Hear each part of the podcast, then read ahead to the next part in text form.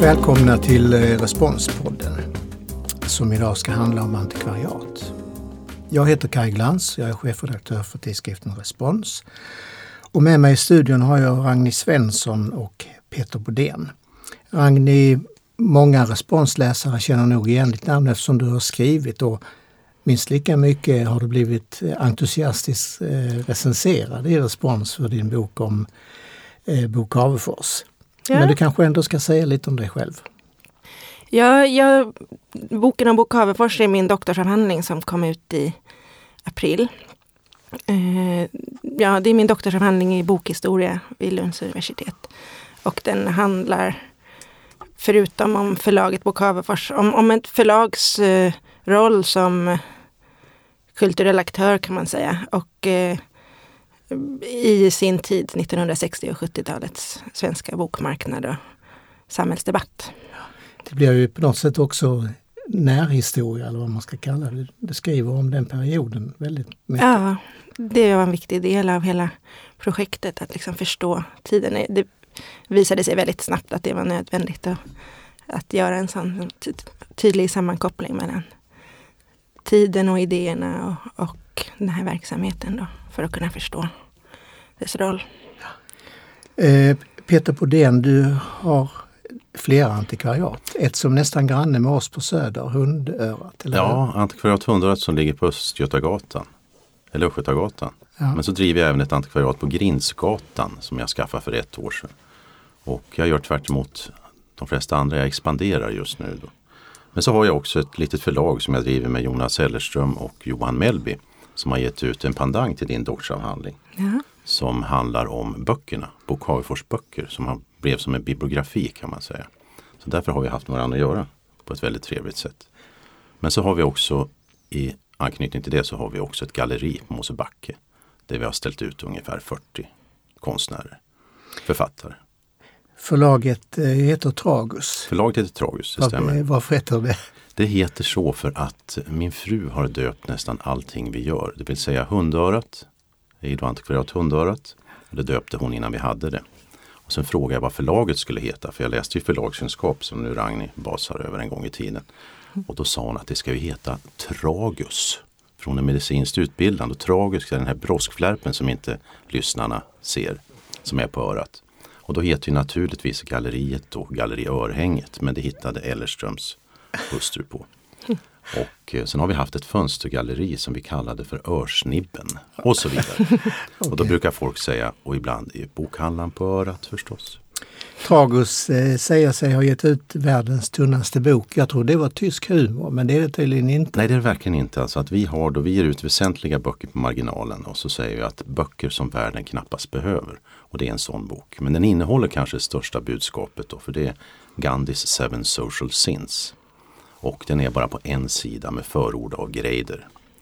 Och förordet var jag tvungen att sätta på baksidan av ett kuvert eftersom boken var så tunn så den bara hade en sida. Så därför så tycker vi att vi har då både världens längsta bok som man vecklar ut så här till en meter drygt, Paul Andersson och den tunnaste. Ni båda, hur, hur mår de svenska antikvariaten idag? Du Peter berättade att du hade expanderat. Ja. Är det en generell tendens? Det är inte en generell tendens, men jag var på besök i Helsingfors hos min kollega Hagelstam. Han öppnade en till butik för två, tre veckor sedan. Och jag tror väldigt mycket på att exponera antikvariatet, att visa upp antikvariatet i stadsmiljön, att locka till sig människor. De står och röker och tittar på skyltfönstret, visa upp det vackra materialet. Jag gör tvärt vad trenden har varit under en lång period i hela världen. Att man lägger sina antikvariat på sämre adresser, våningen upp i källaren i förorten och så jobbar man med nätet. Jag vill hitta en kombination nu för framtiden där jag har en bra nätrörelse, ett bra antikvariat i stadskärnan och även så har jag ju då ett sommarantikvariat i Borby. Och det har jag öppet två månader och där driver vi en bokby.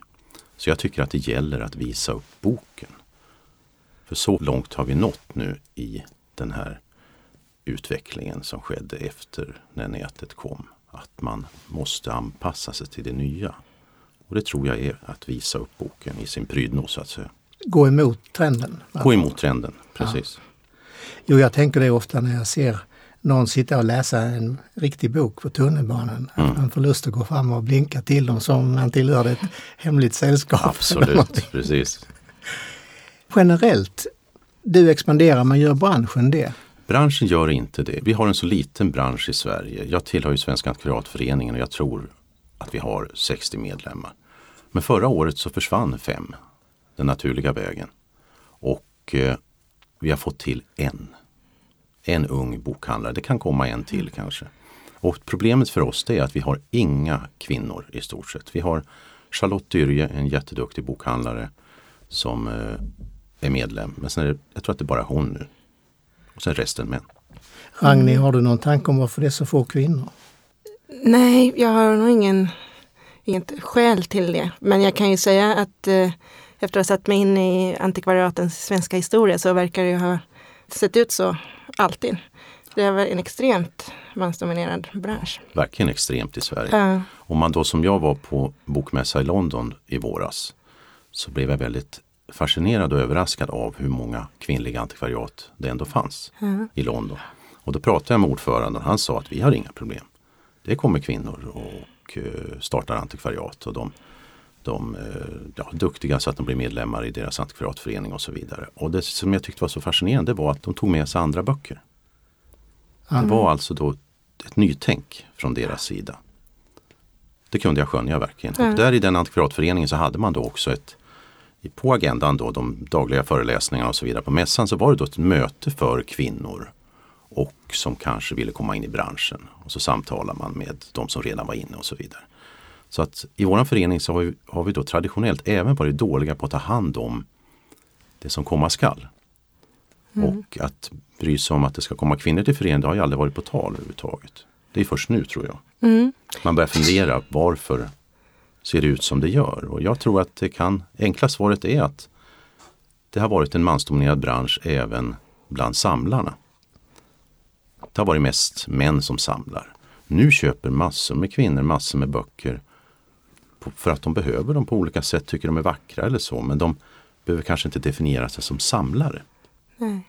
För det är ju som vi vet väldigt mansdominerat. Ja, det ligger mycket i det. Men mm. också, jag kan tänka i bokbranschen överlag så jag vet inte, jag har fått nästan känslan av att antikvariatshandlarna liksom står för ideal som har, har, varit mer utbredda i hela bokbranschen tidigare. Men att det är liksom lite som ett koncentrat av, av olika typer och, och könsroller som har varit starka i hela bokbranschen tidigare. Ja. Att eh, liksom den traditionella förläggarrollen och, mm. är väldigt manligt kodad också.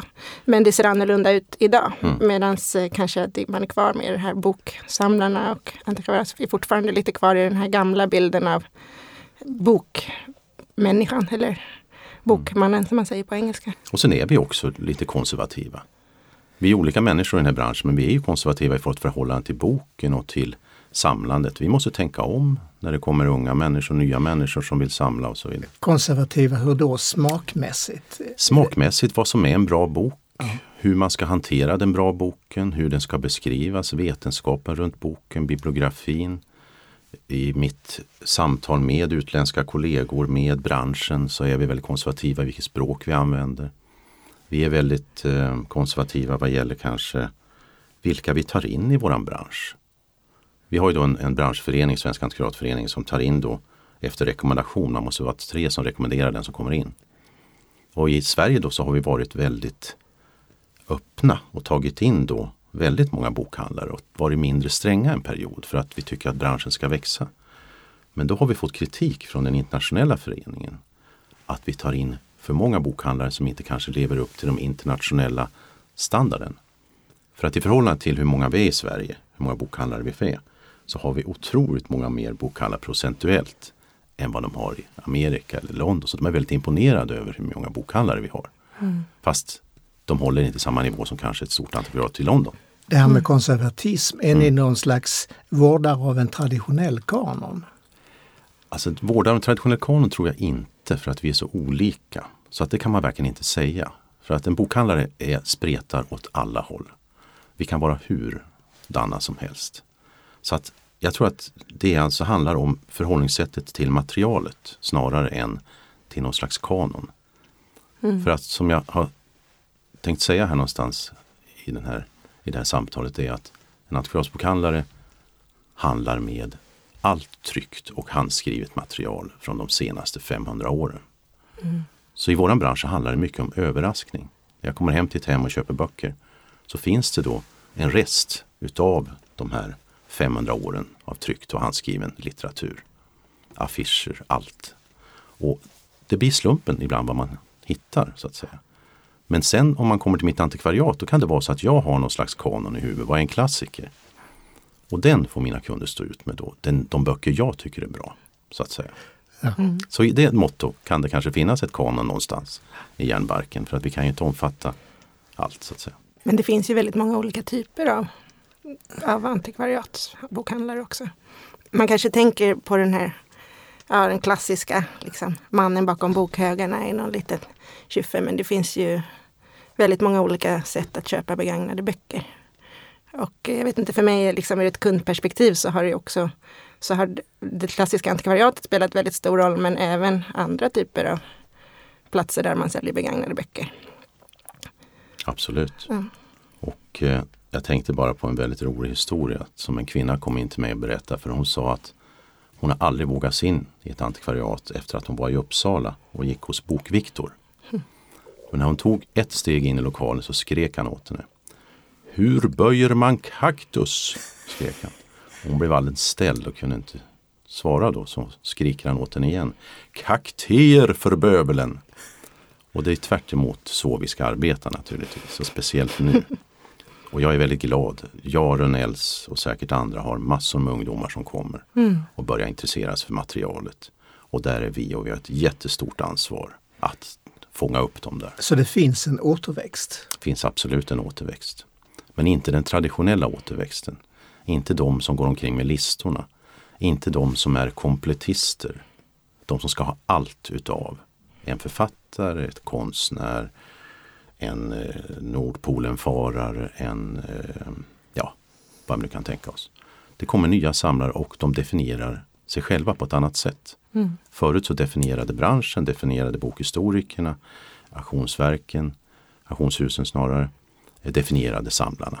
Det fanns listor på vad man skulle samla och det bockade man av så här. Mm. Och när man hade komplett så var man ju lite ledsen då. Då kanske man hittar något nytt samlarområde. Men nu är det svårt att säga vad det är som styr.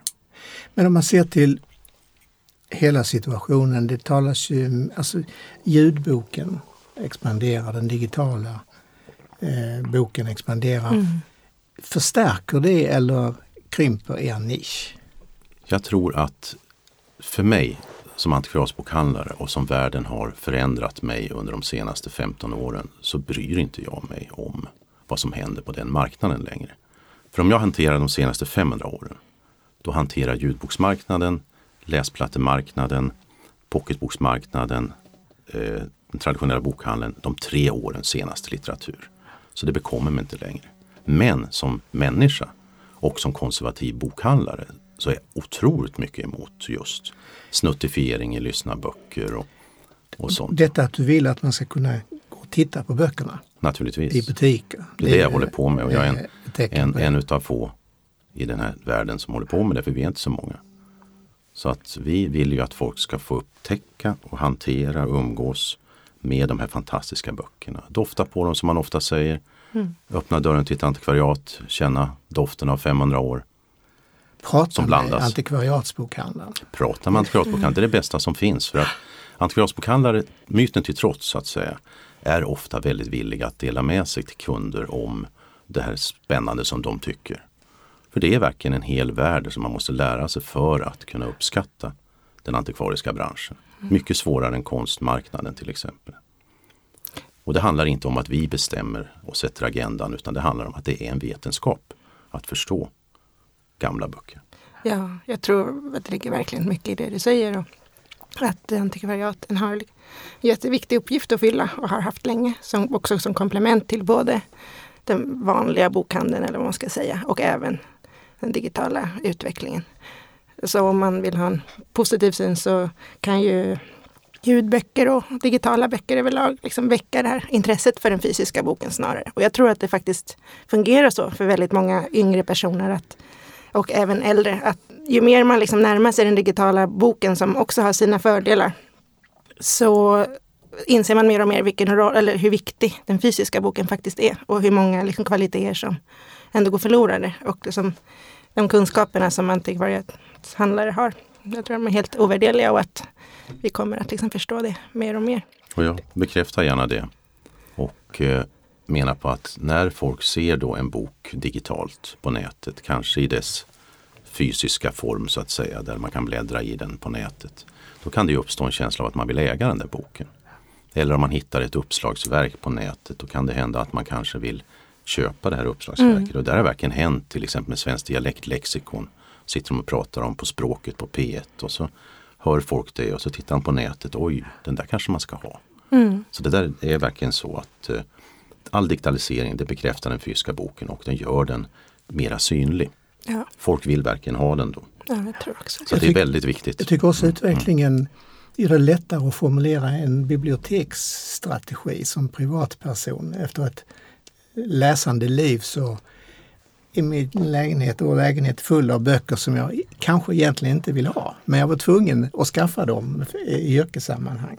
Mm. Och man kan ta in sådana böcker digitalt på något sätt så slipper man ju det problemet. Då kan man ju fokusera på böcker som man verkligen vill ha. Bokhyllans roll har nog förändrats väldigt mycket under en senare tid. Det är nog en väl, mer tydlig effekt av digitaliseringen än liksom att själva bokläsandet skulle ha förändrats. Jag tror boken som statussymbol och objekt, och sådär, dess roll tror jag har förändrats ganska mycket. Jag delar inte riktigt den uppfattningen. Då. Jag tror det finns någon slags mellanväg där. Men, men jag är lite, lite ute efter att bokhyllans roll må vara, som skrytbokhylla må vara lite ute eventuellt. Men jag tycker att man ska till exempel känna att man ska bygga sitt eget Google. För säkerhets skull då så litar jag inte på Google då, utan jag bygger då ett eget Google hemma i mina intresseområden. I mitt intresseområde, eller mitt intresseområde är bibliografi och bokväsen. Mm. Då samlar jag på mig så mycket jag kan om det. För då känner jag en trygghet i att alltid kunna gå hem, fram till min bokhylla. Vare sig elektriciteten är på, om datorn funkar, om det är världskrig, vad som än händer så har jag kvar mitt Google. Mm. Och det här Google då, det kan man bygga upp då med uppslagsböcker, med alla möjliga böcker som är bekräftade utav en institution, en doktorsavhandling. Det ska stämma något sålunda i den där boken, det som sägs. Och då har jag sådana då i mina ämnen och det bygger jag upp som en trygghet. Så jag tror att vettiga människor som, som är intresserade av kunskap, av bildning, jag tror att de kommer att ha böcker i framtiden. Sen tror jag också att boken kommer tillbaka som samlarobjekt på ett helt annat sätt än, än vad den har varit under en period. För att investera i böcker det är svårare att investera i konst. Så att det är få rika människor som, som är bildade nog så att de kan hålla på och samla böcker. Men konst är jättelätt. Ja, jag tror att du har helt rätt i det, eller jag håller med dig om det. Mm. Jag tänkte mer på just det här med vilka böcker man väljer att visa upp, mm. som Kaj pratade om. Mm. Ja, jag tänkte inte bara visa upp utan ha. Alltså, mm. Därför man upptäcker att det är många böcker som man har ett engångsförhållande till. Ja, precis. Mm. Som forskare, har du samma behov av ditt eget Google? Ja, absolut. Jag känner väldigt väl igen det här med att behöva ha de fysiska böckerna och behöva ha dem i närheten. Och eh, det är väldigt tydligt att, att, titta på böcker digitalt och att kunna ta fram dem och bläddra i hyllan, det är två helt olika saker. Alltså både ur det forskarperspektivet att det är lättare, lättare att hitta i en fysisk bok som man har bokmärken i och så. Men även det visuella, att man ser dem direkt och så. Jag har försökt spara pdf och olika böcker i mappar mm. på datorn men det funkar inte alls på samma sätt. Man glömmer bort att man har dem. Man behöver ha dem fysiskt stående i närheten.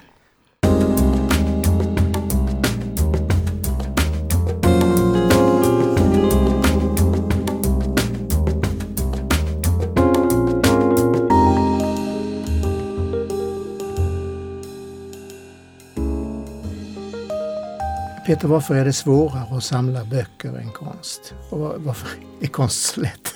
Alltså kon, konst det är ju då, du, du, du kanske, om vi säger att du, du samlar konst och ägnar dig åt kanske ett speciellt konstområde, några speciella konstnärer. Det är rätt så lätt att läsa igenom de där böckerna och förstå den här ismen och så vidare. Men det är självklart att du kan välja ut vissa författarskap inom böcker och så vidare. Men när du har det fysiska objektet framför dig, det vill säga boken, då är det så mycket i bokens anatomi som du ska lära dig för att uppskatta verkligen att det du har köpt kostar lite extra för att det var ett väldigt vackert band bundet av en speciell bokbindare.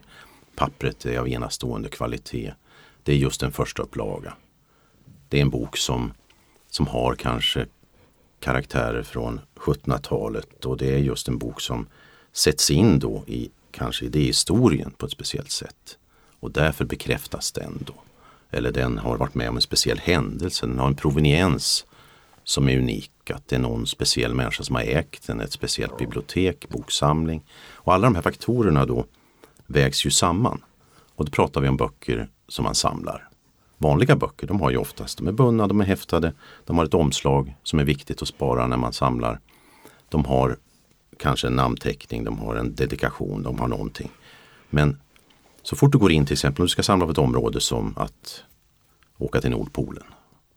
Då finns det massor du måste lära dig innan om vilka upplagor det är. Du måste köpa en bibliografi och du måste göra skillnad på Syd och Nordpolen. Du måste göra skillnad på resor på olika sätt.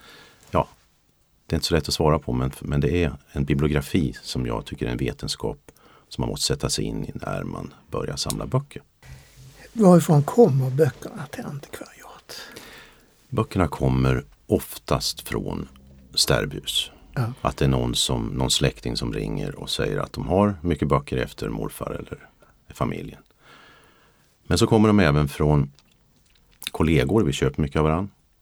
De kommer från auktioner, de kommer från loppisar som man rent rutinmässigt på sina promenader går förbi och vittjar som det vore små nät mm. man har utlagt och så vidare. Och det kommer från eh, utrensningar från forskare, från journalister, från alla typer av människor som just har haft böcker under lång tid. Och det mest fantastiska det är ju som att köpa böcker där bokköpandet blir som en arkeologisk utgrävning i tre dagar. Där det kan vara lager på lager på lager, det vill säga morfars farfar och deras familj. Sen kan det vara någon familj som man har fått ärva och sen är det då nästa familj som har haft ett förhållande till böcker och till pamfletter, till man har inte slängt tryckt material. Och det kan finnas små affischer och det är provenienser från kände den och den. Det kan ta tre dagar att gräva ut källare, vind och två våningar mitt emellan. En del böcker måste komma från fattiga recensenter. Absolut. Och det har de gjort i långa tider, fast färre nu tyvärr. Är det så? Ja, nu är det så faktiskt. För att när Adlibris kom, jag minns precis skiftet, då kunde jag som bokhandlare inte betala lika mycket som förut till de här recensenterna. Där ofta det stod i boken får ej säljas. Stod det. Men av tradition då, så har ju alla sålt sina böcker och antikvariatsbokhandlare har naturligtvis köpt dem. För att en, en, skribent kan ju vara fattig ibland och då måste man få göra pengar på det lilla man har. Men det är slut med det, för när Adlibris kom då kunde vi betala så lite för de här stämplade böckerna som de ofta är. Så att då vart det mindre intressant. Men i takt med också att jag köper färre och färre, intresserar mig färre och färre för de tre sista åren i mitt antikvariat så blir det inte heller så att jag köper det stadigt. Har eh, boksamlare blivit mer ovanliga? De har blivit färre, de här traditionella boksamlarna som jag försökt definiera. De har blivit färre. Och då, det har skett i hela världen.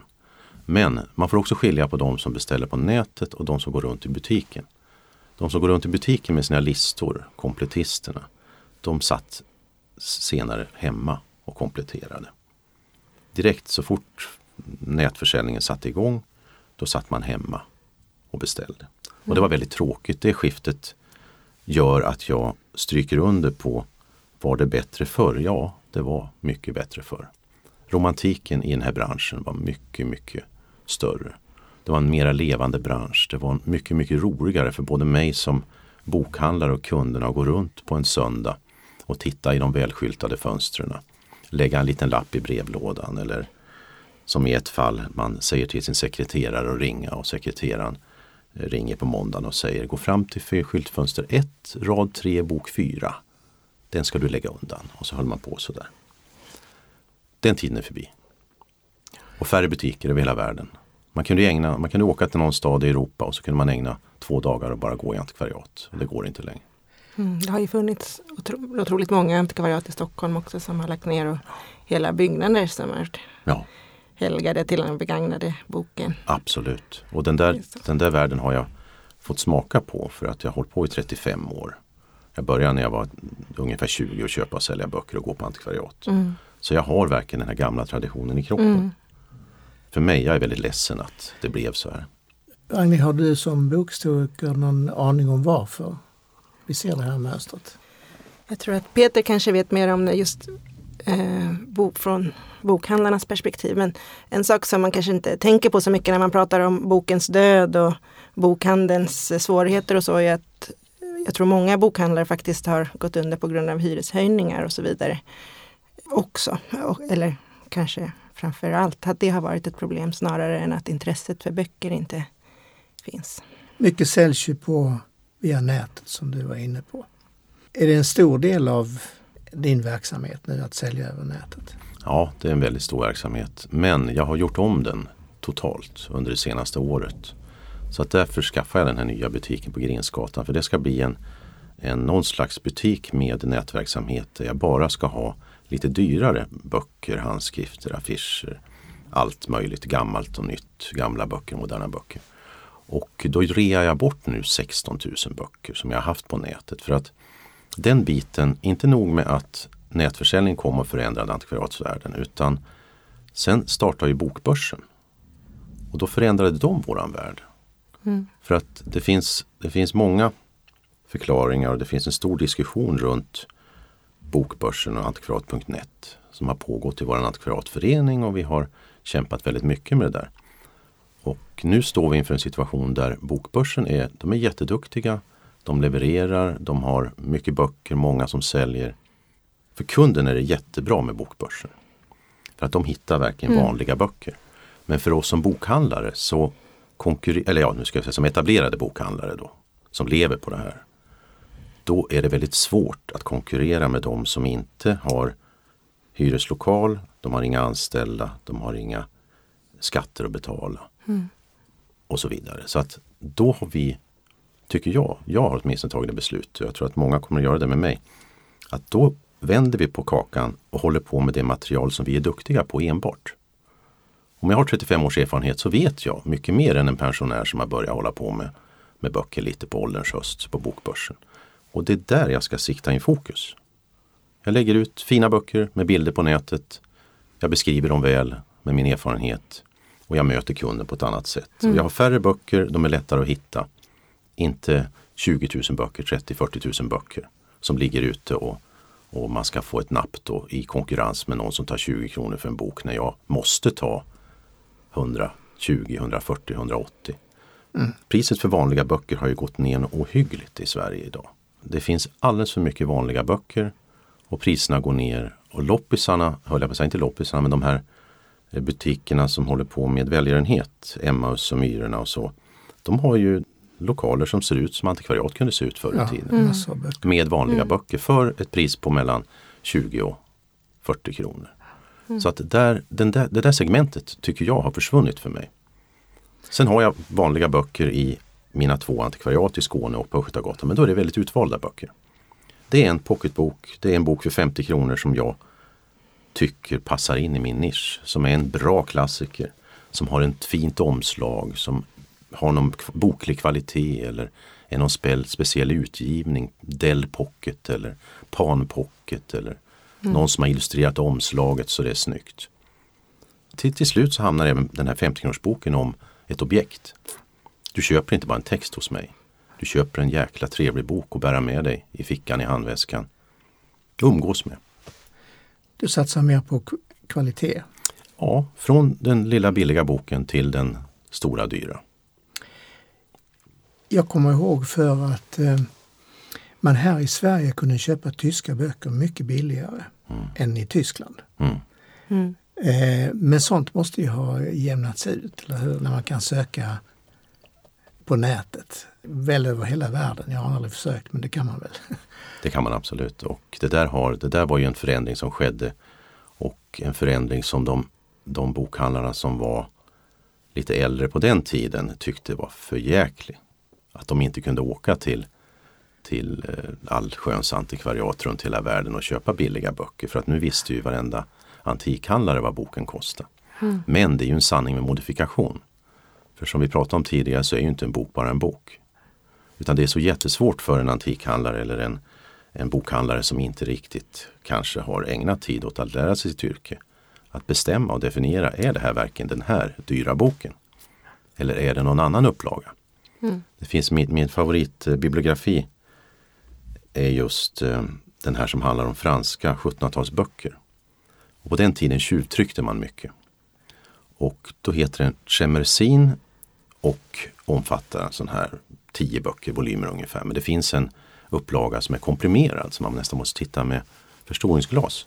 Och den måste man använda för att bekräfta att den här boken inte är ett tjuvtryck.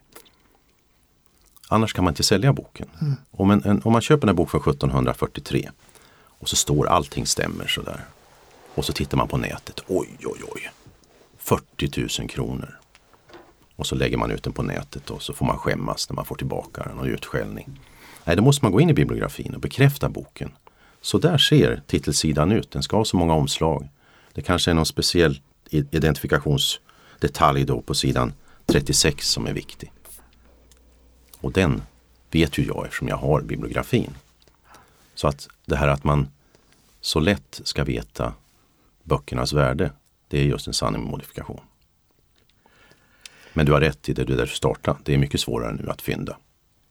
Ragnhild, det här tangerar väl också de akademiska disciplinerna, hur bokhistoria som ämne utvecklas? Det gör det absolut och jag kan ju säga det här den traditionella bokhistorien som akademiskt ämne ligger ju väldigt nära bibliografin och det som Peter har talat om. Så de går hand i hand här. Men om man tänker inom bokhistorien som akademiskt ämne så eh, bokhandeln är ett väldigt underbeforskat ämne generellt. Jag är lite inne och liksom nosar på det nu och, och skriver om bokhandeln under 70-talet i Sverige. Och eh, bokkaférörelsen som utvecklades då, som var en politisk rörelse där man eh, eh, tog fasta på det som vi har pratat om lite grann med bokhandeln som socialt rum. Som är, det är en gammal idé som har mycket längre historia än så, men under 70-talet så blev det en väldigt stor grej att man skulle kunna komma till bokhandeln och läsa tillsammans, prata om det man hade läst och så vidare. Det blev liksom ett idealistiskt projekt som kanske inte alltid eh, slog sig väl ut eh, ekonomiskt. men eh, Eh, jag kan säga det att liksom antikvariaten som sådana är, det har skrivits väldigt lite om det. Jag har satt mig in i antikvariatens historia här och suttit på KB och läst in mig på det som finns om svenska antikvariat. Det är inte så mycket och i alla så står det i slutet eller i början att så här, någon måste skriva de svenska antikvariatens historia, men vem ska göra det? Det kanske du? Vi får se vem det blir. Men har du någon förklaring till varför det är så underforskat? En tanke som slog mig, det kanske inte är riktigt en förklaring, men inom bokvärlden som helhet kan man säga, alltså det har skrivits väldigt mycket om människor som är intresserade av böcker. Vare sig vi talar om bokhandlare, förläggare, läsare och så vidare. Men det finns, det, det, finns en genre som är, som är stark inom förlagsvärlden som också har sin motsvarighet inom bokhandlarvärlden. Att eh, man skriver sin egen historia. Det är liksom memoarer och kanske inte biografier men memoarer, intervjuer och levnadsteckningar av gamla kollegor och sådär. Sådana texter finns det väldigt mycket snarare än akademiska. Så det finns helt enkelt en tradition av att man skriver sin egen historia men den blir ofta väldigt anekdotisk. Det är många sådana här berättelser om, om eh, det kanske lite sura farbröder som sitter bakom boktravar och lite svåra att kommunicera med och så vidare. Jag har läst ganska många sådana. Eller tvärtom, hyllningar till, till bokhandlare som har gjort stora kulturella insatser. Men bokhistoria som akademiskt ämne eh, är inte så stort, men vi har mycket som vi behöver sätta oss ner och skriva. Jag kan inte låta bli att tänka att det här svarar mot den, eh, vad ska vi kalla det, materialistiska vändningen till ja, exempel inom absolut. litteraturvetenskapen. Vi har en recension av eh, Cordelia Wismans bok Lagen och arkivet som handlar just om hur man har förvarat lagtexter mm. och hur viktig den stående pärmen var och allting. Mm. Och sånt där. Och att att undersöka bokhandlarna och antikvariatens roll skulle, tycker jag, vara en del i samma rörelse. Det kan det absolut vara. Jag tror absolut att eh, den materialistiska eh, vändningen är en viktig bit i det här, men också att ja, bokhandelns historia eh, är en, en eh, väldigt viktig pusselbit för att förstå. Liksom både inom ekonomisk historia, handelshistoria men också inom litteratur och kulturella. Så att, eh, ja, det är bara att vi måste sätta igång och göra det.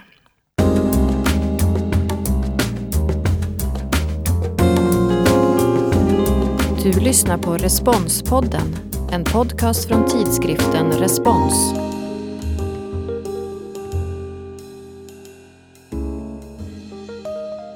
Kan man säga någonting om antikvariatens roll i, i den svenska, svenska kulturlivet? Jag kan tänka på det rent biografiskt numera är antikvariaten nog mer viktiga för mig för att jag ska få ut böcker.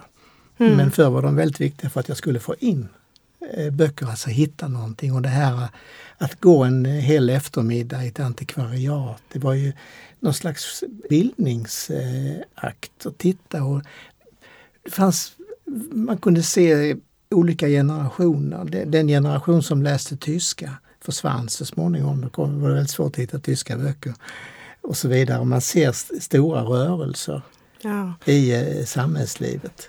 jag tror att antikvariatens viktigaste kulturella roll är just den som kunskapsbank och liksom förvaltare av hela liksom, Minnestempel tänker Ja, det. Det- man- kan man ju säga. Samma, att förvaltare av hela det bokliga arvet som den vanliga bokhandeln blir ju liksom sämre och sämre på det. Det är ju en utveckling som hållit på länge. Men eh, böcker i den vanliga bokhandeln ju, är ju mer av färskvaror idag. De har väl kortare livslängd? De har mycket kortare livslängd och om man kommer in och vill köpa en bok som kanske släpptes för några år sedan är det inte alls säkert att den finns kvar.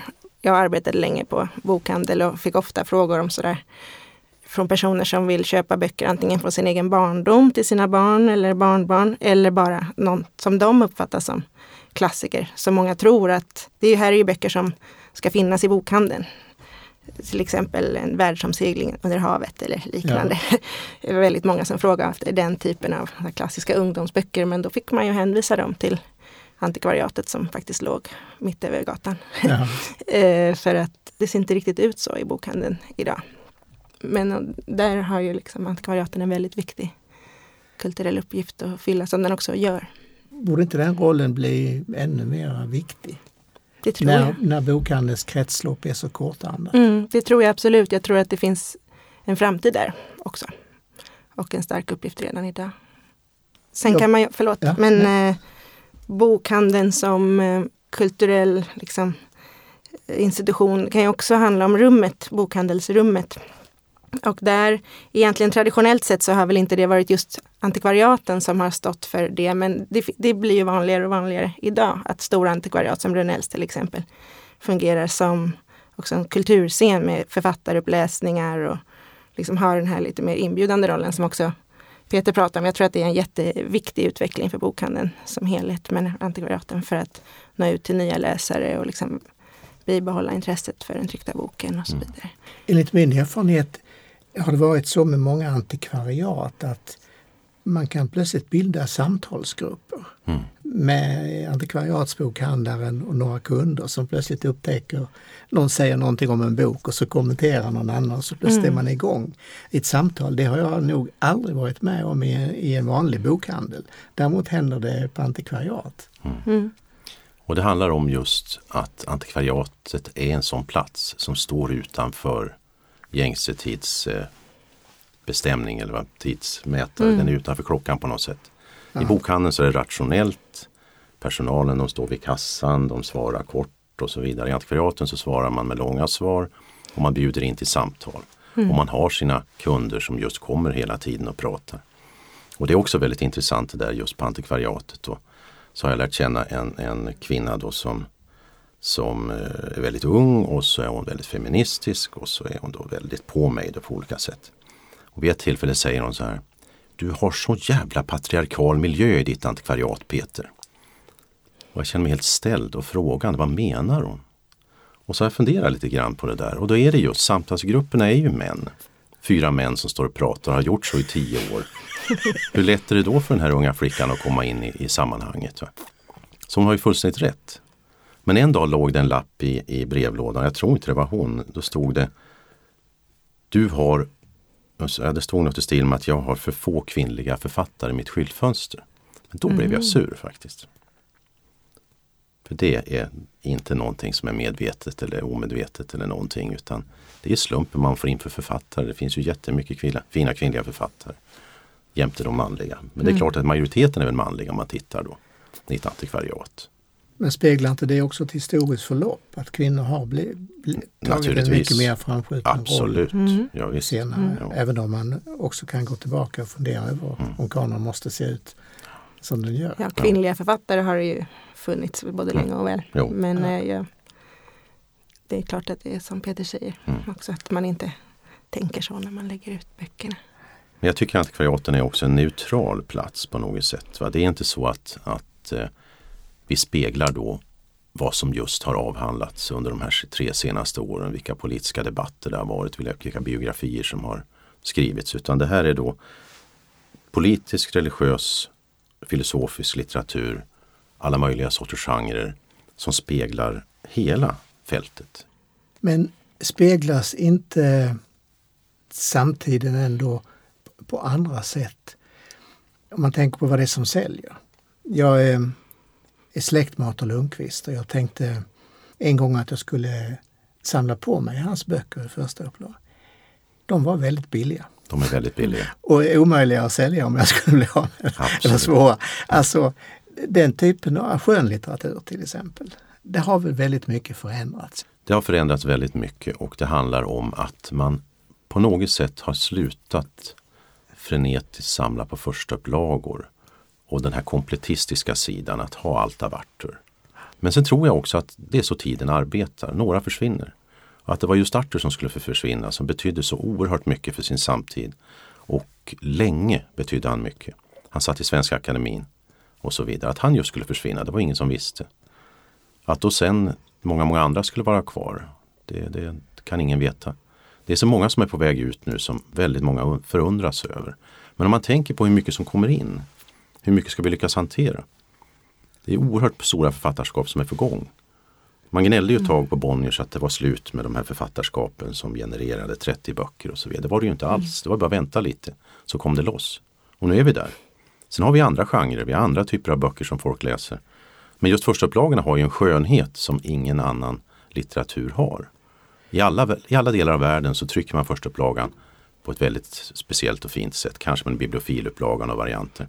Eller så kan den komma i en liten pocket som ändå kostar mycket pengar. Som kanske försvinner väldigt lätt och så vidare. Så att Folk samlar på förstaupplagor och kommer man till mig då så värderar vi förstaupplagan oerhört väl och tar bra betalt för den. Men den ska ju vara i gott skick. Är den bunden ska den ha bägge omslagen kvar. Så det är mycket krav man ställer då på den här, den här boken. Gärna inte någon, någon braffig namnteckning och sådär utan den ska vara möta de bibliografiska eller de, de ska säga, boksamlarkraven så att säga. Men dedikation, är det intressant? Dedikationer det är någonting jag håller på med väldigt mycket och det är oerhört intressant. Det är alltså det är en del utav verket, konstnärens verk. För att eh, jag kan hitta dedikationer utav eh, Harry Martinsson, Eivind Johnson till exempel som jag har på som jag kommer ihåg nu där, där, där Harry Martinsson berättar om sin konstsyn. Mm. Det vet jag inte om han har gjort i någon annan bok. Så det är alltså en del utav hans verk. Det är bara att det är handskrivet så det är inte tillgängligt för alla. Det är tillgängligt för den som har sålt den och mig som bokhandlare och den som köper. Men ibland så lägger vi ut sånt där på Instagram och då blir det tillgängligt för hela världen. Och den där typen av dedikationer, det är bland det roligaste jag vet. Och förhållandet mellan, mellan författare och deras vänner, förhållandet mellan författare och deras kollegor. Att Gunnar Ekelöf kände en litteraturvetare i USA som hette Wollner eller Wollnay eller vad han nu hette. Det hade jag ingen aning om förrän dedikationen kom in. Och jag har aldrig sett det namnet i sammanhang med Gunnar Ekelöf. Men nu vet vi att han hade en sån kontakt och den mannen introducerade skandinavisk litteratur i USA. Hur ser det ut med eh, alltså att en bok har blivit läst eller inte? Du säger att den ska vara i väldigt fint skick. Men om man ser en osprättad bok, är den mer värd än en sprättad bok? Den, den har, vi tycker om den bet- betydligt mycket mer förstås. Men är det en dedikation, en bok som en författare har ägt, då är det roligare om den är läst. Ja. att de har liksom kryssat lite i för att en, en, stryka under. Men en, en bok som är oläst och med en dedikation, då förstår man ju att naturligtvis att ja, han läste ju inte boken. Man Nej. brukar säga som Gunnar Ekelöfs Hermelin, han hade Romis, eh, Hermelins översättning av Romi i sex volymer, men alla var osprättade. Men han pratade ändå väldigt mycket om Rom i alla möjliga sammanhang. Ja, Så att då kan man ju misstänka att har han läst om Gunnar? när jag arbetade med min avhandling om Cavefors så köpte jag ju in väldigt många av Cavefors böcker Mm. Som referens och det var slående tyckte jag hur många av dem som var osprättade. Också med tanke på hur mycket som hade skrivits om vilken betydelse som förlaget spelat för svensk kulturliv och så vidare. Fick mig en tankeställare där. Jag Mm. vet inte. Att köpa böcker är inte samma sak som att läsa dem. Nej, Mm. precis. Det har vi. Och att ha dem i hyllan är inte, nej, precis, Nej. inte heller samma sak som att läsa dem. När du nämner Cavefors så är det eh, alltså för en ung fattig människa var bokrean källan till hans lyrikutgivning till Mm. exempel.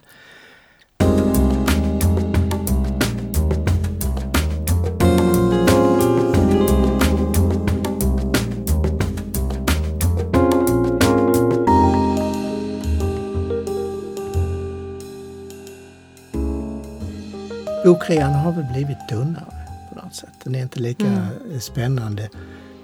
Jag brukar säga till dem på Hedengrens, eh, din Martin sa att det är bara amatörer som super på nyårsafton. Det är bara amatörer som handlar på bokrean numera. Det finns inte så mycket. Men där måste ju antikvariaten ändå ha blivit viktigare. Man kan gå och fynda i, i böcker som man kanske inte skulle ha haft råd att köpa. Eh, när de kom helt nya. Så har jag upplevt det som bokköpare. Mm, jo. Absolut. Och jag kan säga att just nu så är det verkligen köparens marknad vad gäller att bygga ett författarskap av Gunnar Ekelöf. Böcker som originalupplagor av Gunnar Ekelöf som förut kostade 900 kronor, 300 kronor. Det var standardpris på dem. Man la dem i fönster och så gick de direkt. Nu hittar du dem på antikvariat och hittar dem på reor. Så att vill man bygga sig en, en fin samling med svensk skönlitteratur då är det verkligen köpläge. För nu kommer det ut väldigt mycket böcker. Och eh, de kommer till välgörenhetsorganisationernas loppisar, de kommer till antikvariaten, de kommer överallt. Och det är inte säkert att det kommer hålla i sig. Det är vissa generationer som nu dör, som har haft mycket böcker. Nästa generation som dör, hur ska vi kunna köpa böcker när de inte har några böcker hemma? Jag är ingen duktig på matematik, men det kommer inte fungera. Men, men du säger Ekelöf kan man Till exempel. För att han är ett, mm. Men ska man då tänka på det som ett utslag av ens litterära intresse mer än, ingen, inte som en investering? För det, det finns väl inga tecken på att, de, vet vi, att de skulle öka i värde utan kommer inte den här prisminskningen att hålla i sig? Det kan man ju aldrig veta och jag tror faktiskt inte det. För jag tror att just att de priserna är låga just nu det beror på att det kommer ut så mycket Gunnar Ekelöf. För att bara för 15 år sedan fanns det inga Gunnar Ekelöf ute. Men i våran bransch då, vi är medlemmar då i Svenska antikvariatföreningen av The International League of Antiquarian Booksellers.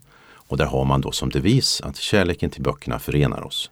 Men man säger också väldigt tydligt att vi som bokhandlare ska till skillnad mot andra branscher inte rekommendera boken som en investering. För det kan vi inte stå för. Vi vet inte hur det ser ut om tio år med den här boken. Så jag, kan, jag säger aldrig åt kunden att, att köp den här för den kommer att gå upp. Så arbetar vi inte utan det måste vara ett möte mellan kunden och mig. Där kunden uppskattar den här boken så mycket så den kan lägga 10 000 kronor på den. Men jag kan ju inte garantera att jag köper tillbaka den om tio år. Utan det är verkligen så att eh, trenderna går som en berg och dalbana i bokbranschen. Och så har det alltid varit. Och det, det, det finns många sådana här klyschor som alla gamla bokhandlare bär på.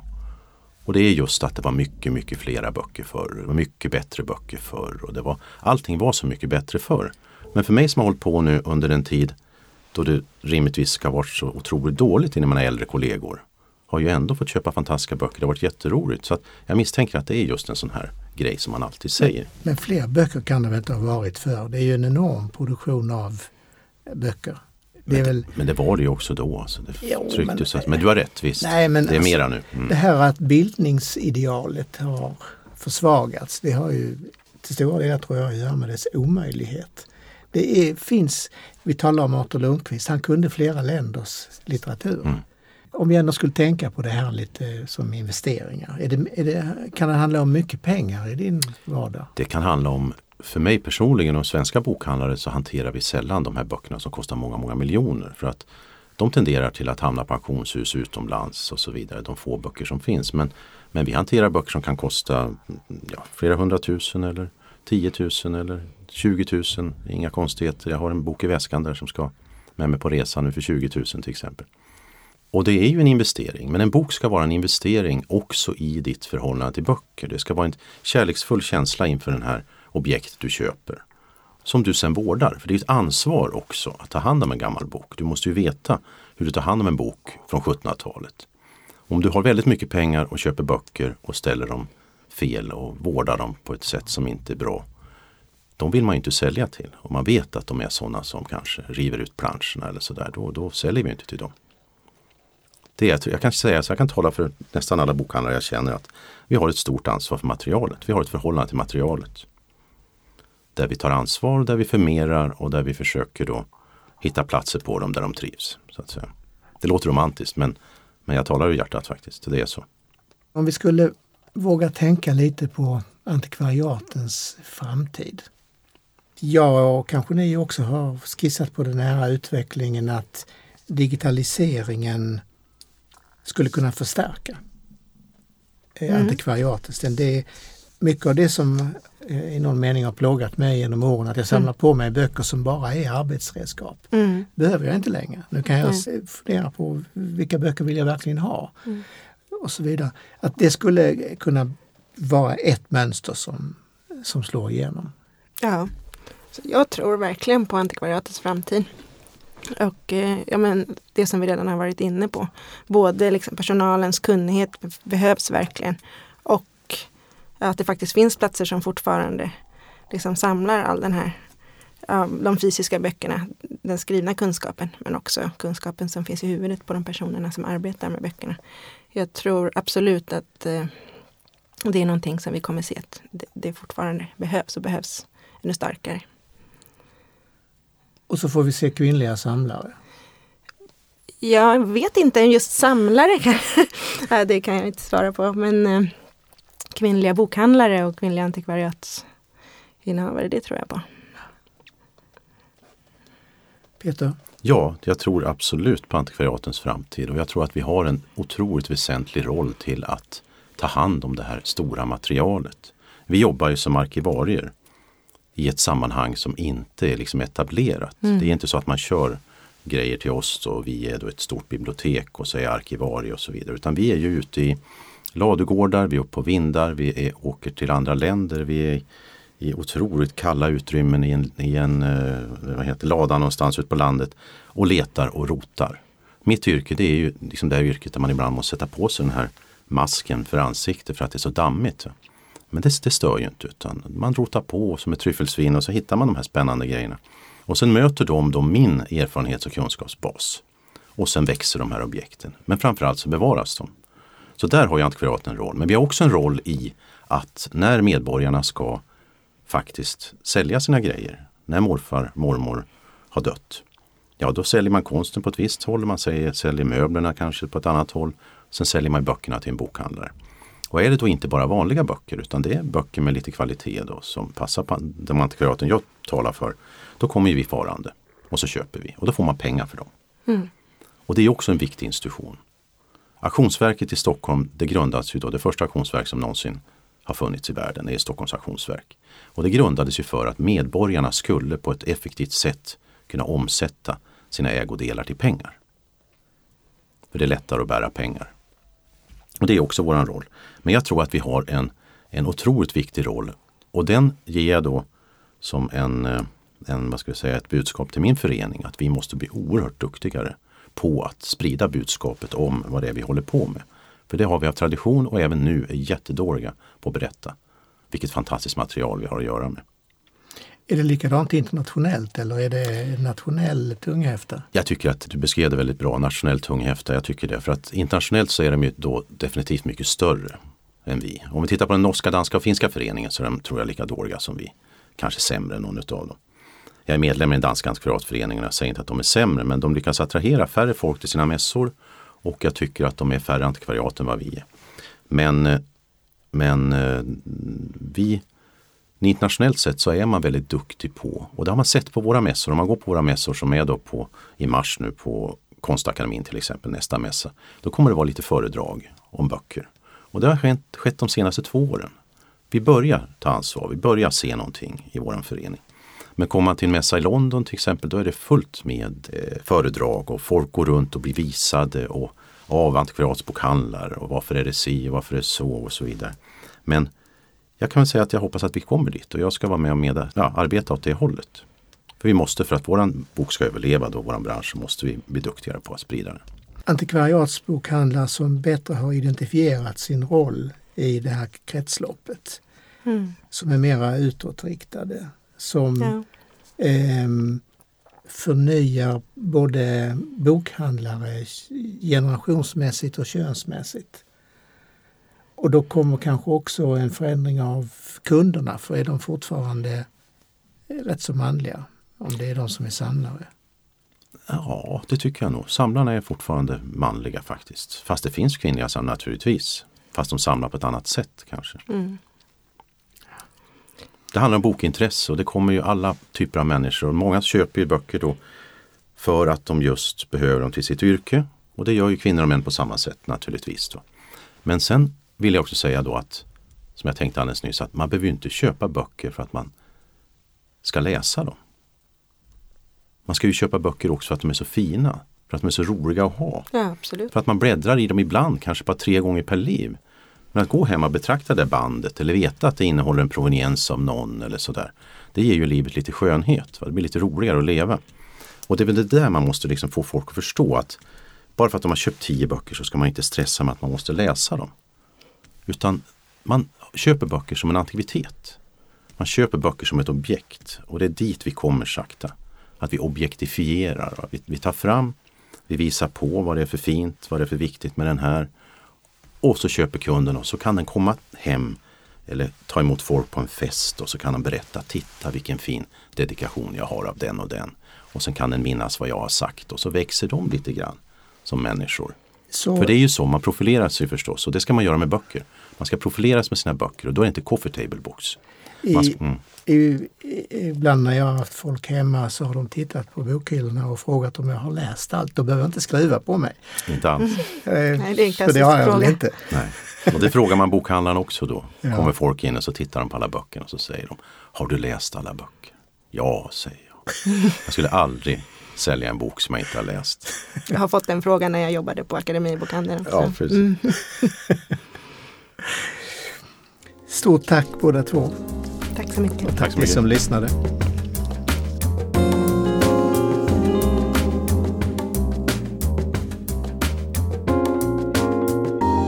Du har lyssnat på Responspodden, en podcast från tidskriften Respons, inspelad på Språkstudion vid Stockholms universitet.